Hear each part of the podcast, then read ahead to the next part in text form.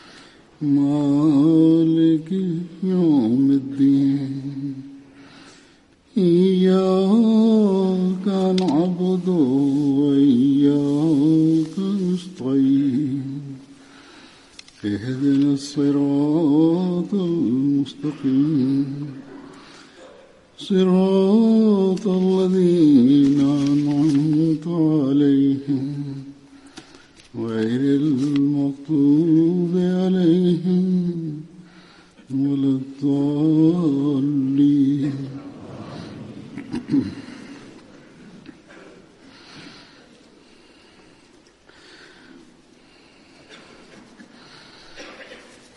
والسابقون الأولون من المهاجرين والأنصار والذين اتبعوهم بإحسان رضي الله عنهم ورضوا عنه وأعد لهم جنات تجري جنات تجري تحتها الأنهار خالدين فيها أبدا اور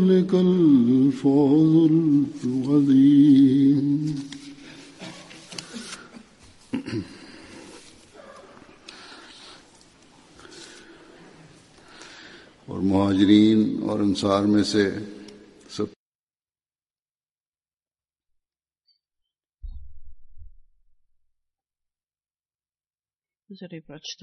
ovog ajeta i kaže od onih ljudi koji su imućni, koji su jutri napred, Allah je zadovoljan sa, njim, sa njima i one su zadovoljni sa, sa Allahom i za njih je Allah pripremio takav džennet, niže kojih rijeke teku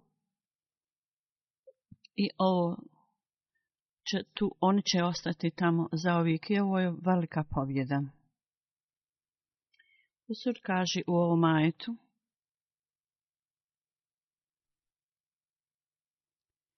spominjanje ashaba časnog poslanika, salam vasalam, spominjate se o ashabi časnog poslanika, oni koji su u svom duhovnom položaju bili na najvišim nivou i u svom standardu vjere.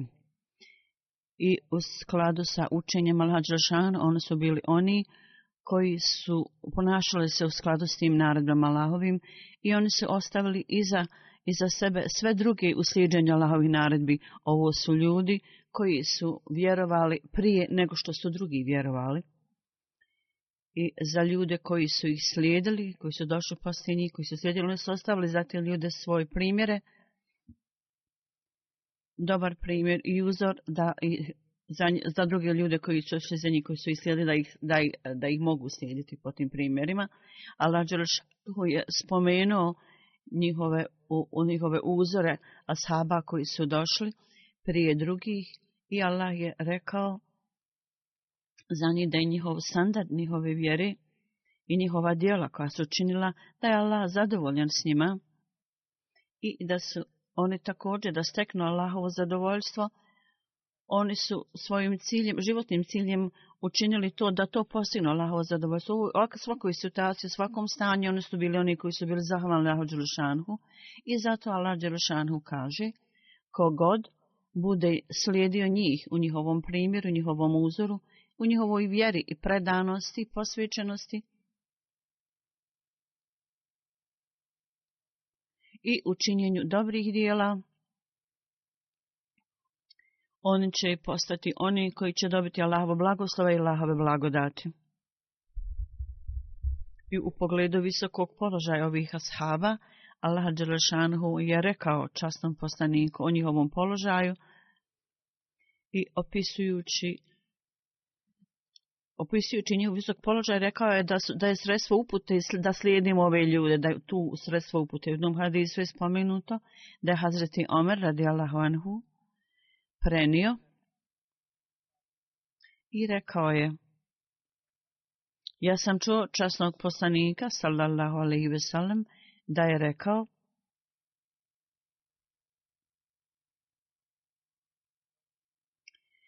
U pogledu razlike među mojima shabima, ja sam pitao Lađelošanu, Allah mi je objavio i rekao, o Muhammede, sallallahu alaihi wa sallam,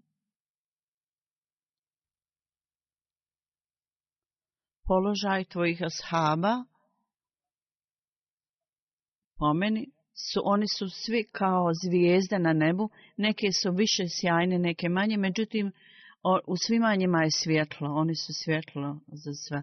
Tako kogod bude slijedio tvoje ashabe, prema mom razumijevanju Allah kaže, on je taj koji je postigao uputu i kako Allah kaže, on je taj koji je postigao uputu, to jest istinski put, istinski put, pravi put, I također je spomenuo častom poslaniku. Allah je rekao častom poslaniku i rekao, rekao, a to je častni poslanik prenio i rekao moji ashabi su kao zvijezde i kogod ih bude slijedio, steći će uput, odnosno ispravan put. Tako, Allah Đelešanhu je podario ovaj položaj ashab, ashabima časnog poslanika, sallallahu alaihi i svaki od njih je uputa i svjetlo za nas, položaj ashaba i ova činjenica da je Allah bio veliko zadovoljen s njima i oni su također bili veliko zadovoljni s Allahom. Na jedno mjesto je spominuto u pisanju obećanog Mesija, ali i salama, i on kaže, ashabi, plemeniti ashabi, oni su pokazali takvu istinu ljubivost na lavom putu i putu časnog poslanika, da su čuli glas i, i da je Allah zadovoljan s njima i da su zadovoljni Allahom. I to je položaj koji su oni postigli, da je Allah Đerašanhu bio veliko zadovoljenima i oni su također vrlo bili zadovoljni Allahom. I izvanrednost ovog položaja i ovog statusa koji im je dato, ne može se opisati riječima.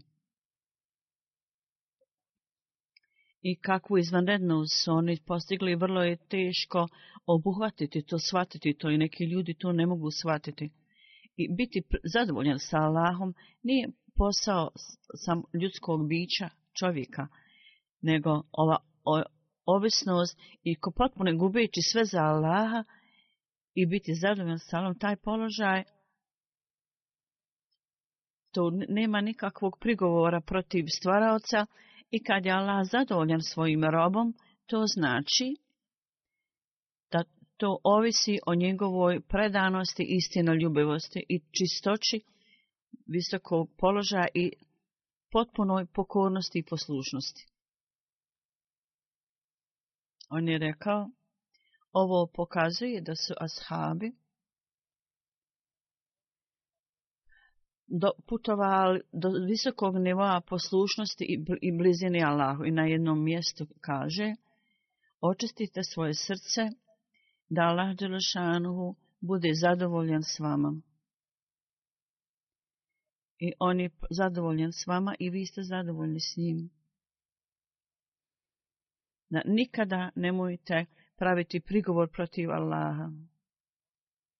I s ciljem da zadovoljite Allaha Đelešanuhu treba da svoju predanost i cenoljubivost dovedete do najviše tačke i također položaj čistoće.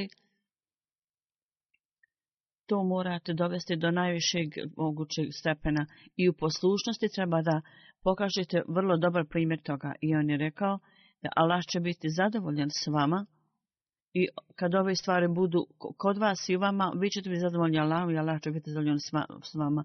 Onda u vašem tijelu, u vašim postupcima i dijelima Allah će staviti blagoslav u to.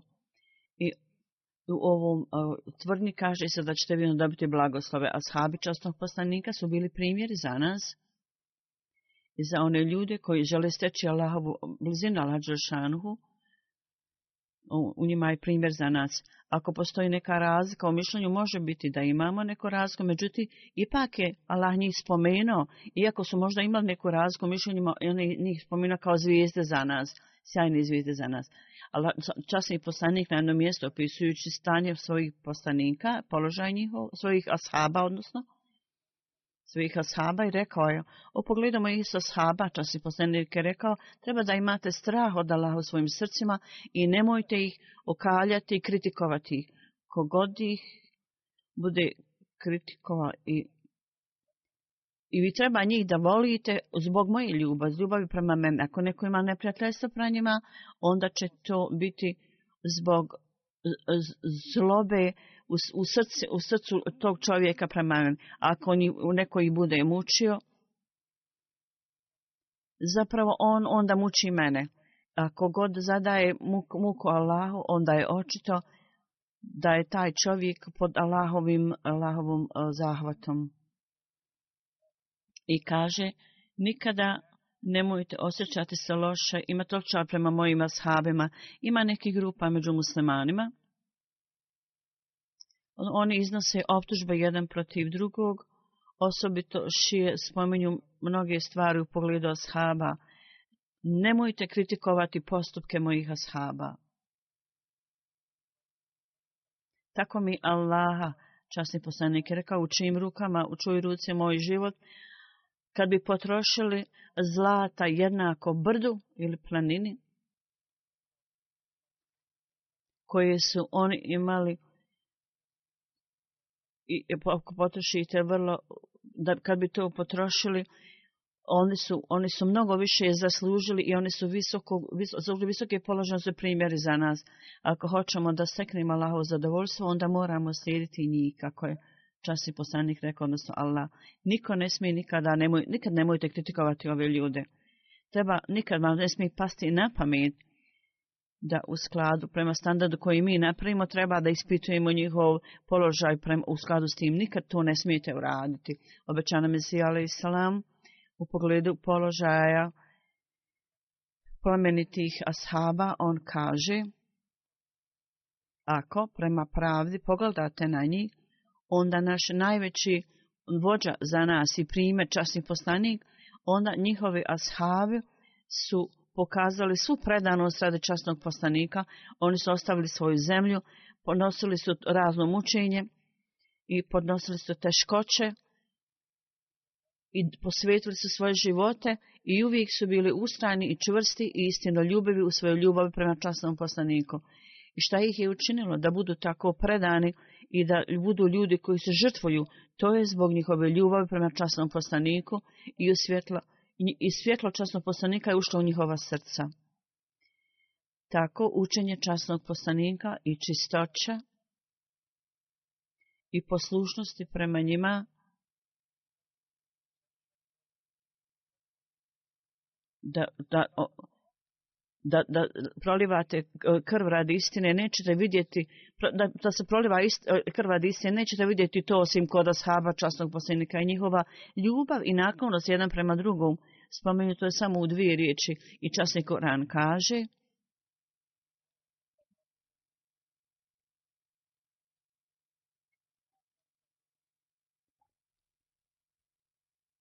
To jest u prevodu,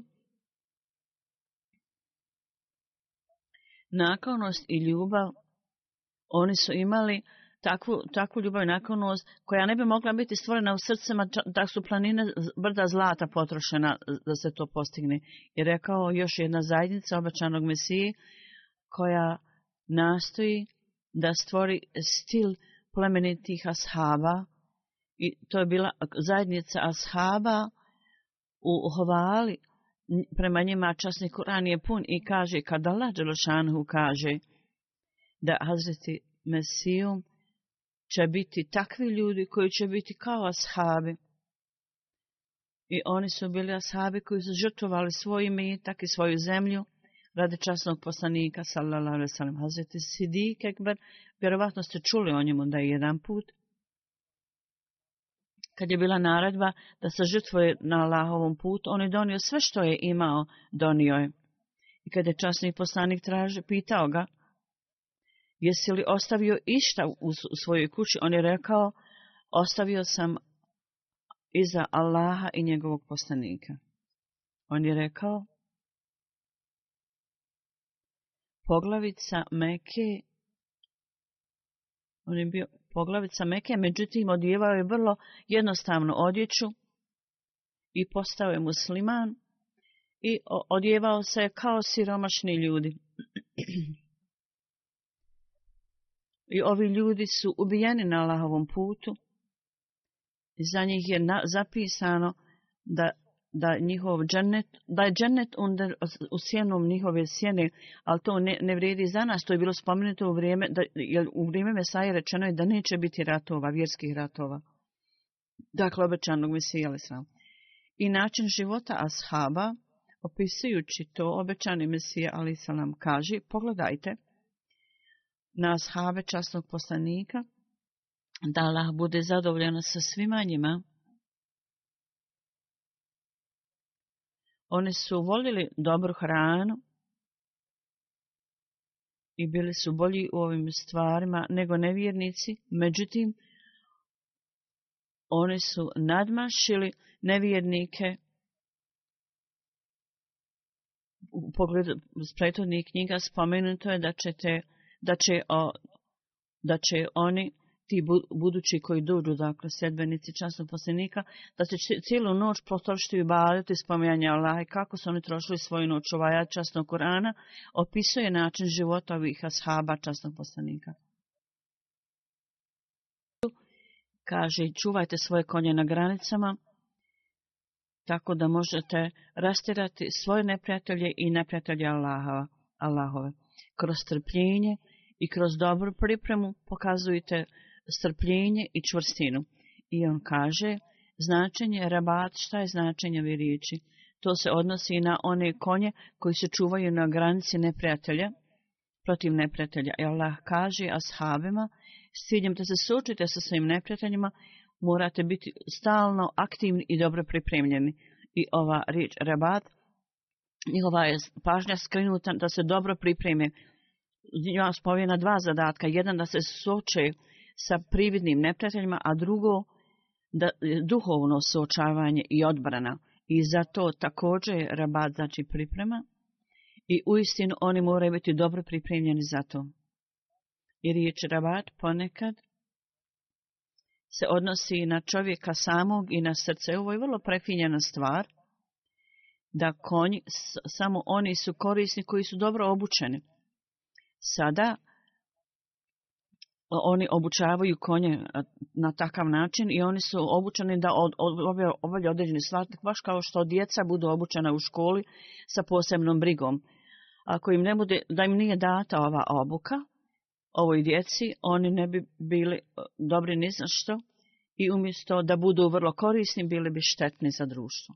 Slično tako postoji potreba da treba da se obučavamo i da se počinimo tome i da da pod sebe imamo pod kontrolom i treba da budem poučen tome. Tako da rabat može biti obavljen samo onda kada osoba, vjernik, e, intelektualno i religijski čini, napravi napredak, isto tako drži sebe pod kontrolom. i o sabatova čvrstina i ustrane koja je bila podarena s habima, sjeđenjem časnog postanika, ja ću predstaviti neke primjere. Uzur kaže, jedan primjer mi smo upravo čuli, slušali, u pis, pisanju obačanom i sele salama, mi smo vidjeli da kad, kad je traženo od, od ashaba, oni su donijeli, o, jedan od njih pogotovo je spomenuo, donio sve što je imao u pogledu njegove skromnosti i straha prema Allah. Poslušajte jedan primjer. Jedan put i Hazreti Ebu Bekr imao neku, neku usijanu diskusiju sa Hazreti Omerom i, i možda su oni podigli svoje glasove i u, u, u ljutnji i neslozi i stvar je bila završena. Onda je Hazreti Ebu Bekr otešao Hazreti Omeru i izvinio se. I rekao je u ovoj usijanoj diskusiji, možda sam podigao svoj glas i i možda sam izrazio loš osjećaj, ja se izvinjavam zbog toga. Međutim, Hazreti Omer je odbio da mu oprosti i na to je Hazreti Ebu Bekr došao časnom poslaniku, sallallahu alaihi ve sellem, i iz, prenio je cijeli događaj, ispričao cijeli događaj i rekao, ja sam došao tebi da moliš za moj oprost, molim te, oprosti mi. Časni poslanik je rekao, da ti Allah oprosti. Posle nekog vremena Hazret Omer je također uvidio svoju grešku i osjećao, se, osjećao da se žali zbog toga, otišao u kuću Hazret Ebu Bekira da se izvini. I vidio da on nije, nije ga zatekao kod kuće, tako da je onda otišao časnom poslaniku, sallallahu alaihi veselam. Hazret Omer je također znači otišao časnom poslaniku i časni poslanik kad je vidio, kad ga je vidio, lice časnog poslanika je postalo crveno u ljutnji, kad je, kad je pogledao na Hazreti Omera. U, uviđući činjenicu da je časni poslanik ljut sa njim, Hazreti Omer je sje, sjeo na koljena i sjeo vrlo blizu časnog poslanika, sallala veselem, i rekao, moja je bila, to je bila moja greška, molim te, oprosti mi. Ovo je bila skromnost, i Hazreti Omer je, bila je vrlo mi bila žao zbog toga. I dakle, obodvojica se oni osjećali, žalili se zatim. Ovo je bila čista atmosfera koju je utemeljio časni postanik. I ovi ljudi su postali primavci blagoslova Lađa Šanu kao rezultat toga. Skromnost Hazreti Omera je spomenuta u još jednom događaju da je neko rekao Hazreti Omeru. Ti si bolji od Hazreti Ebu Bekera. Na to je Hazreti Omer počeo plakati i rekao je, tako mi Boga. Jedna noć Hazreti Ebu Bekira, jedna noć i jedan dan Hazreti Ebu Bekira su mnogo bolji od cijelog mog života i moje djece. Mogu ti, mogu ti ja reći o toj noći? Onda ovaj koji je pitao rekao, da, molim te, reci mi. Onda je Hazreti Omer rekao, njegova noć je bila noć kad je časni poslanik, sallallahu alaihi ve sellem, u toku i se njemu, on probao noć s časnim poslanikom, i Hazret, e, časni poslanik je morao napustiti Meku, i Hazret Bekir je udružio se s njim, išao zajedno, otišao zajedno s njim, a drugi, a dan je bio kad je časni poslanik umro, i Arabi su, nisu htjeli da daju zekat i da obave namaz, i protiv mog savjeta, on se pripremio da ide u džihad u uzvišen sveti rat i Allah je učinio da bude uspješan i Allah je time dokazao da on bio ispravan. I onda još jedan vel, velčanstveni ashab časno posljednike bih Hazreti Osman koji bio također treći halifa. Njegova ljubaznost prema članima porodice je jako je mnogo dobrih odlika i ovo je jedna od njih. Hazret Ajša radijalahanu kaže da je Hazret Osman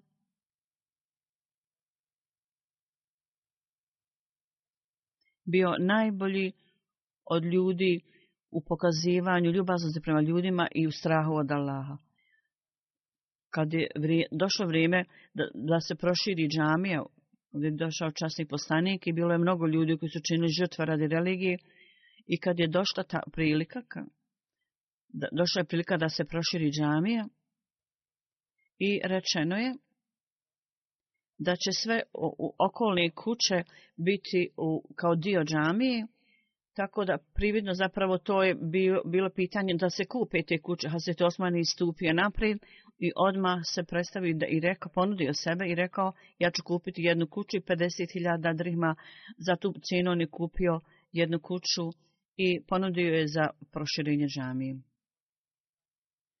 U to vrijeme bilo, bilo nedostatak vode i jedno vrelo su jevre, jedan jevrej je držao vrelo i bilo je teško za muslimane da dođu do vode. Kako god, koliko god je para ovaj jevrej tražio, on je to platio i kupio ovo vrelo i posvetio to za korist muslimana. Azim, Azati Muavija u pogledu Hazreti Alija, neko je spomenuo odlike Hazreti Alija. Hoćete i pitaju hoćete li da hoćete biti u stanju da slušate, ste spremni da slušate o tim odlikama? Jer mi znamo da je on bio protiv njega. I jer rekao je, ako nećete da slušate, onda, je, onda samo čujte da je on vrlo bio čvrsto svoje rješenosti i govorio je odlučno i on je širio pravdu i od njega je tekla fontana znanja i također mudrost je bila vidljiva, očita u svemu što je rekao. On je bio daleko od slave ovog svijeta, on je bio u ljubav, on je u ljubav i predanosti obavljao i badet u toku noći, to je bila njegova najdraža stvar, umjesto da bude upleten u svetovne stvari.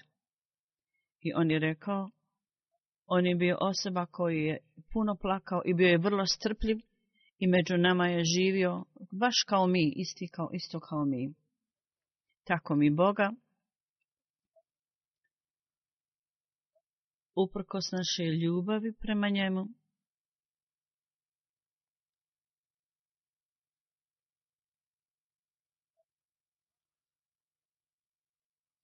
mi nismo mogli govoriti s njim, prema, s njim otvoreno zbog njegovog položaja. On je volio ljude i pomagao im i davao im smještaj. Ako je neko bio vrlo strogi, ako je nešto pogrešno uradio, zbog pohle, pohlepe i tijelo da se okoristi od toga, on nije davao takvu nikom je priliku, on bi ga uhvatio u tom priči a slabi nikada nisu dotočani njegovom pravdom. Ovo su bile odlike Hazreti Alija radi Alehanhu. Moavija je također rekao ovom govorniku da to je istina i počeo je plakati. Jedan put Ashab častog poslanika Abdurrahman, to je bio još jedan Ashab, on je po žrtvovanju imao vrlo visoki položaj, bio je bogat poslovan čovjek i imao je obilje imet, obilno imet, obilni imetak. Jedan put osoba, kad je on obilazio Hana Keabu, časnu Keabu, čuo je glas koji je molio Allaha i rekao, vikao, o moj Allahu, spasi me od škrtosti samog mene. Kad je pogledao tu osobu, to je bio Abdurrahman bin Auf. Jedan put je njegov trgovački karavan došao u Medinu, i bio je sedamstotina kamila i žito, brašno i druga hrana. Tako da su ljudi govorili o tako velikom karavanu, ljudi u Medini su govorili o tome. Tako da ova vijez došla do Hazreti Ajše radi Alehonha. I Hazreti Ajša je rekla, Ja sam čula od časnog poslanika, sallallahu alaihi sallam, da, Abdurrahman, da je Abdurrahman osoba koja će ići u džennet. Kada je Hazreti Abdurrahman dobio ovu informaciju, došao je do časnog poslanika i rekao, ja te uzimam za svjedoka, da sav ovaj trgovački karavan sa 700 kamila, skupa sa kamilama i sve što one nose, ja to predajem za religiju. I položaj Abdurrahman Haufa može biti prosjenjen ovom tačkom da je Nebuhasetih Hal, obodvojica su imali neku vrelu diskusiju i časni poslanik je rekao o Halid, nemoj ništa reći mom ashabu. Ako neko od, kad me neko od vas potrošio zlata kao planinu, ne bi bio u stanju da dostigne noć i jutro Hazreti Abdurrahman bin Haufa, koji je koliko je potrošio u džihadu. Jedan Sabin, Sa, Sabit bin Haz, on je primio isham, islam i njegov primjer primjela islama, on opisuje sam i kaže, kad sam primio islam, moja majka je rekla, zašto si prihvatio novu religiju, ti treba što napustiti. Inače, ja neću ništa jesti, majka je njegova rekla, ti ću piti i ću u štrajk glađu. I onda ću umrijeti i rezultat će biti da će ljudi reći da si ti ubica svoje majke. On je rekao, o maj, moja majko, nemoj nikada tako činiti, jer ja ne mogu napustiti svoju religiju. Međutim, majka to nije prihvatila i tri dana i noći ništa nije ni jela, ni pila, bila je totalno iz, o, e, istrošena, umorna, istrošena. U to vrijeme on kaže, ja sam otišao mojoj majci i rekao, tako ti Boga, da imaš hiljadu života, jedan poslije drugog, napusti tvoje tijelo, ja neću napustiti svoju religiju. Kad je onda majka vidjela njegovu odlučnost, odlučnost svog sina, onda je počela jesti hranu. Allah Đelešanu kaže, budite poslušni svojim roditeljima i služite ih, ali kad bude stvar u pitanju religija i kad se nešto odnosi na Allah, onda u svakom slučaju trebate slušati šta su naredbe Allahove.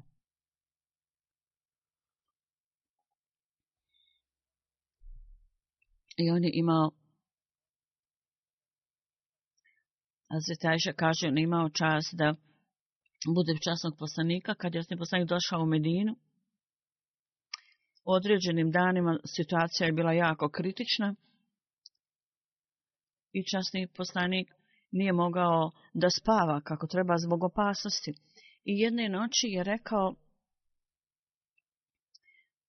ja bi volio kad bi jedan Allahov rob stajao kao čuvar, tako da bi to bila dobra stvar, da ja također mogu mirno spavati u toku noći. Upravo kad je to izgovorio, odjedan put je čuo zveket nekog oružja i časni poslanik je pitao ko je to i odgovor je došao ja sam sad. Poslanik je pitao šta te je dovelo ovdje, on je rekao ja sam osjećao se zabinu zbog tvoje e, sigurnosti i došao sam da, da budem sražan, da čuvam. Tako je čas je Bosani provao noć u miru i također činio puno dova za ovoga sazadica Hazada. Jedan ashab, zate Zubair, ovaj još jedan ashab, on je bio pun Allah straha predala od Allaha. I uvijek se bojao Allaha da ništa ne uradi pogrešno, što, što e, bi mu moglo donijeti Allahovu srbu. Naput kad je njegov sin pitao, kao drugi ashabi, zašto ti ne prenosiš govor časno poslika kako drugi ashabi čine. On je rekao, od kad sam prihvatio islam, nikada se nisam odvojio od časnog poslanika, ali ja se bojim ovog upozorenja časnog poslanika, ja imam mnogo da, prene, da prenesem, ali se bojim govora časnog poslanika upozorenja koje je on dao. Da, I kad je rekao bilo kod, ako pripiše meni bilo šta pogrešno, onda će imati boravišta džehennem. I ja se bojim, on je rekao da možda ne kažem nešto što nisam dobro razumio i da nešto prenesem drugačije, ja se bojim toga. On u svojoj hrabrosti i srčanosti, on je bio istaknut u tome, u tolikoj mjeri isticao se, da kad je bila opsi, opsida Kandri, on je onda na ljestvama se popeo na, na zid tvrđeve. Jedan ashab je rekao, u, u, unutar, tvrđeve, unutar tvrđeve vlada vrlo oštra kuga, nemoj ići unutra. Međutim, on nije to prihvatio i popeo se na, na zid tvrđave. On je bio vrlo bogat čovjek. I sav imetak koji je dobivao većina toga, on je dao u dobrotvorni svrhe za sadaku. I onda as, Ashab spominje koji je ime Talha bin Ubejda. On je također bio vrlo bogat čovjek i na Allahovom putu on je mnogo trošio. Jedan put, osim svoje o, ono, kuća, 7000 drahmi je nešto prodao i sve to je potrošeno na lahmom putu. Hospital, gospodinizma je pogotovo bila njegova istagnuta odlika. Jedan put su vrlo tri sromašna čovjeka, čovjeka iz nekog plemena prihvatili islam i časni postanik, stale veselem, oni su došli časnom postaniku i rekli su ko, ko će čas se poslanik je pitao ko će se pobrnuti o ovoj o trojici siromašnih ljudi i oni odmah ponudili i odveli svoje kući i u porazim gostoprinstvo i dao im hranu i učinio ih je stalnim članima porodice i samo kad, kad je umro oni su se odvojili od njega Hazreti Talha u prijateljstvu i odnosu je bio vrlo dobar i još jedan ashab kad nije bio u stanju kad je bio kažnjen da ostane dalje od ljudi, da se drži dalje od ljudi. Boj, kad su ga bojkotovali posle nekog vremena, kad je prošao kroz ovu kaznu, onda je Hazreti Al Talha otišao njemu, trčeći kad mu je oprošteno, otišao i rukovao se s njim i čestitao mu. Hazreti Kavi je govorio, prijem koji je meni Talha pokazao tog dana, ja nikada nisam... Uh, ni od koga drugog nikada dobio. I jedna, jedna lijepa stvar koja je spomenuta između muža i žene je da je njegova žena, što, što je njegova žena rekla, prenila i rekla je, Hazreti Talha se vratio, on je do, do, vratio se, vrlo, vraćao se kući sretan sa smihom i nikad nije imao takvo lice da žena članovi porodice os, boji se, boji, da ga se boji. On je vrlo zadovoljan i sretan i na, napuštao je kuću vrlo zadovoljan i sretan. I također u kući on se ponašao vrlo ljubazno i lijepo prema svojoj ženi. I njegovo raspoloženje nije bilo drugačije u kući i van, izvan kuće. Kad god su nešto od njega pitali, tražili, on nije bio škrt, uvijek je davao. I, I kad bi vidio da je nešto potrebno, on nije čekao da ga neko pita, to jest,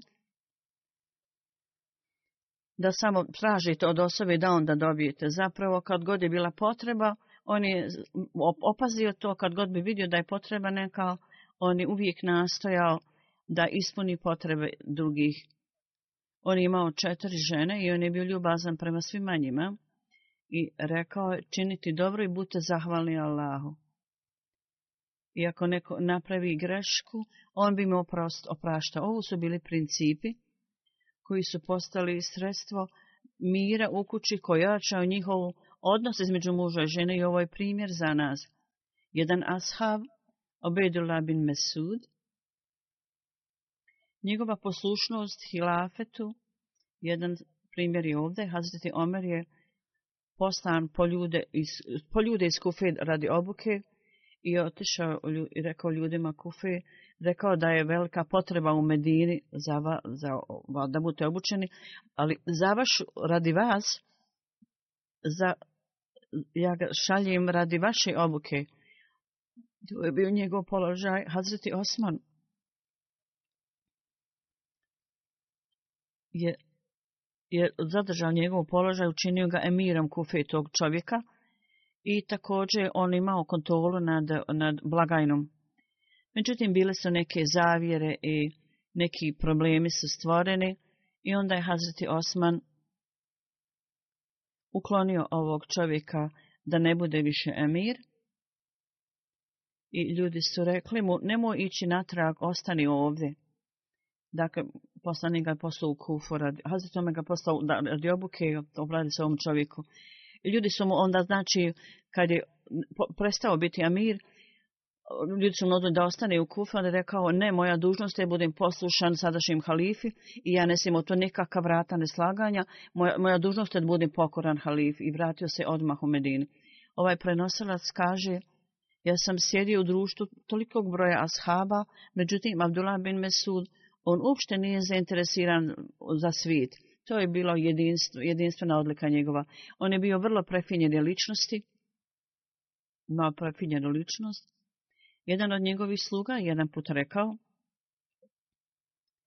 da je on nosio bilu odjeću, vrlo lijep, imao vrlo lijep parfem miris. Hazret Abdullah bin Mesud kaže da je njegov pa, parfem bio tako dobar da čak u mraku noći mož, ste mogli osjetiti da on dolazi. Dakle, on je koristio ove svjetovne koriste, ali nije bio izgubljen u tome. Hazreti Bilal, koji je podnio sve vrste teškoća, međutim, uvijek je uzvikio Allahov slogan, Ahd jedini. On, on, njega su vukli povralim kamenjem i pijeskom, međutim, on je držao se svoje vjere i uvijek izgovarao Ahad, Allah je jedan i Muhammed je Allahu poslanik još jedan ansari uh, ashab u vrijeme bitke na Bedru, predstavljujući ansar, on je rekao i odgovore u ime ansara, časni poslanik, ono što je časni poslanik očekivao da shaba on ispunio tu želju i rekao je, o Boži poslaniće, mi vjerujemo u tebe i mi svjedočimo da se ti doni učinje koje je istinito i to učinje istinito, i mi tebi dajemo čvrsto obećanje da nakon što smo to čuli, mi, smo ti, mi ćemo ti uvijek biti poslučni. Zato, o Boži poslaniče, što god je tvoja namjera, ti to e, slijedi, mi ćemo te slijediti i mi, ćeš, mi ćemo uvijek biti na tvojoj strani. Ako tražiš da skočimo u more, mi ćemo skočiti. I nijedna osoba neće ostati iza. I mi se ne bojimo da se sučemo s neprijateljima. Mi ćemo se sučiti s njima sa čvrstom rješenošću i odlučnostom i zasigurno sigurni smo da će Allah nam pokazati one stvari koje će biti radost za tvoje oči. Gdje god ti želiš da nas odvedeš, vodi nas. Ovo su bili ljudi, Huzur kaže, koji su ispunili svoja obećanja, svoje zavjete i postavili dobre primjere i Allah je zadovoljen s njima. Dakle, ovo su primjeri nekih ashaba, historija je puna ovih primjera. Ovo su bili ljudi koji su naši uzori treba da ih slijedimo. Obećan Mesija Ali Salam kaže, ži, napušte, napu, napuštajući Kur'an, ne, nemoguće je da poznite pobjedu. I, ići samo za pobjedom i da trčite za tim, nemoguće je postići pobjedu. Imajte uvijek pred sobom primjere ashaba, pogledajte kako su ovi ljudi slijedali časnog poslanika, i više su vodili religiju nad svim svjetovnim stvarima. Sve obećanja koje im je Allah dao bile su ispunjena, bila su ispunjena na početku. Protivnici su se, mi se smijali, oni nisu slobodno mogli ići van kuće. Međutim, gubeći sebe u poslušnosti prema časnom postaniku, sve stvari koje nisu mogli dobiti za hiljadama godina, oni su stekli sve to i oni su voljeli časnog poslanika i uvijek su vjerovali u njega i voljeli ga i bili mu poslušni i bili su potpuno izgubljeni u ljubavi prema njemu. I to nije bila ceremonijalna poslušnost. Šta god su nevjernici govorili, oni su sve te stvari napustili i potpuno su se pokorili islamskom učenju i, ča, i govoru časnog poslanika. Kad je islam bio tu, To je bilo vrijeme kad je islam onda kad je islam bio pobjednički nap, nap, i napredovao. I onda u jednoj prilici on je rekao u pogledu izvanrednosti ashaba, on je rekao ashabi časnog poslanika sallallahu alejhi ve sellem Oni su bili toliko vjerni, tako odani, poslušni, da mi ne možemo naći nikakav primjer među sedmicima drugih religija takve primjer. Oni su tako bili čvrsto utemeljeni na Allahovim naredbima da je Kur'an ispunjen hvalama o, o, o njima.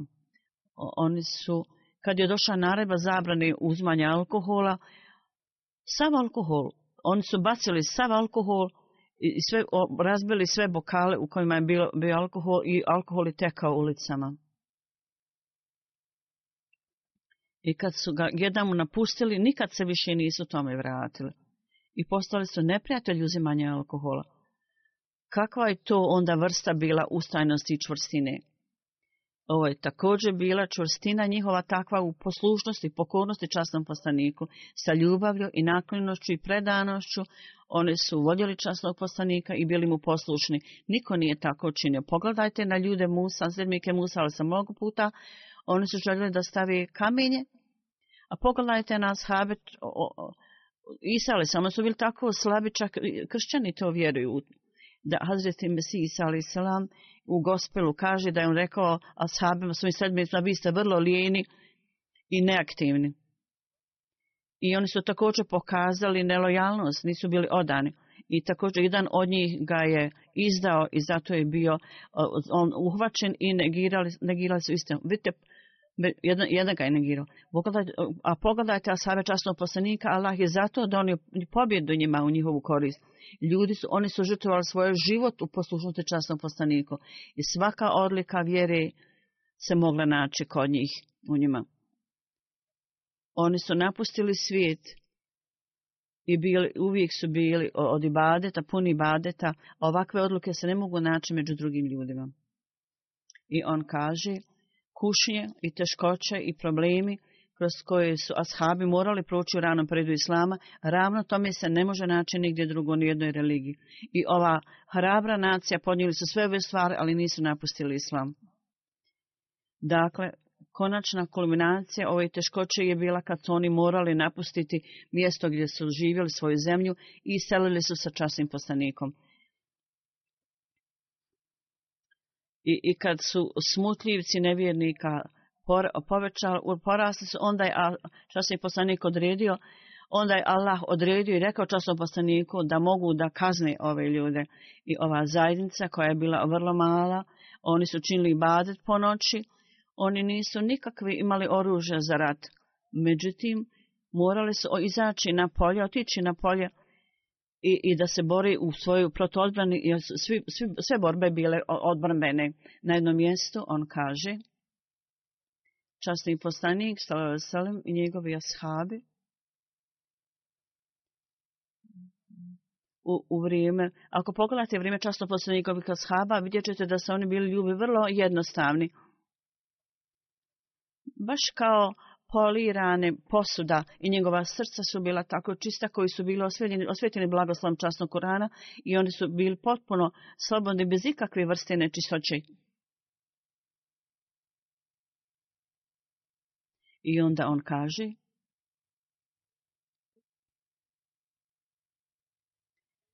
ovi ljudi su bili uspešni zato što su očistili svoja srca. I onaj ko svoje srce učini svijetlo kao, kao svijetla posuda. Međutim, koliko je u sada ljudi takvih i oni, oni ljudi su uspješni koji potisnu svoje loše stvari i osvijetli svoja srca. Zato treba da očistimo svoja srca kad smo povjerovali i vjerujemo u obećanog Mesiju, koji je najveći zaljubljenik časnog poslanika, Salaveselem, kad smo povjerovali njega, kad vjerujemo u njega, onda mi moramo postupati prema svim ovim stvarima koji su koji je spomenuo obećan Mesiju Salaveselem i kao primjer toga, da su to primjeri zanad i tradiciji hadis koji je o sebe častni postanik i svi njegovi ashabi su slijedili njegov primjer i pokazali dobre primjere. Samo onda ako ovo budemo slijedili bit ćemo istinski muslimani da nas Allah Đošanu osposobi da tako činimo. Amin.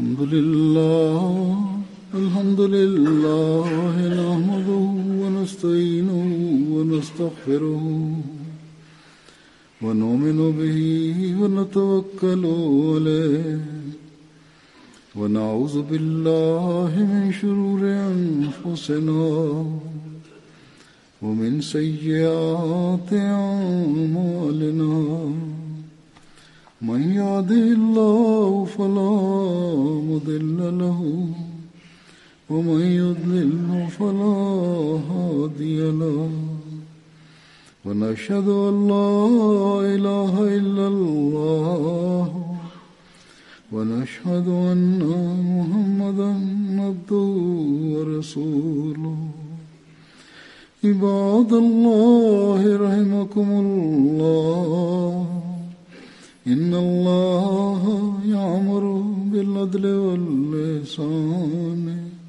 وإيتاء ذي القربى وينهى عن الفحشاء والمنكر والبغي يعظكم لعلكم تذكرون اذكروا الله يذكركم وادعوه يستجب لكم ولذكر الله أكبر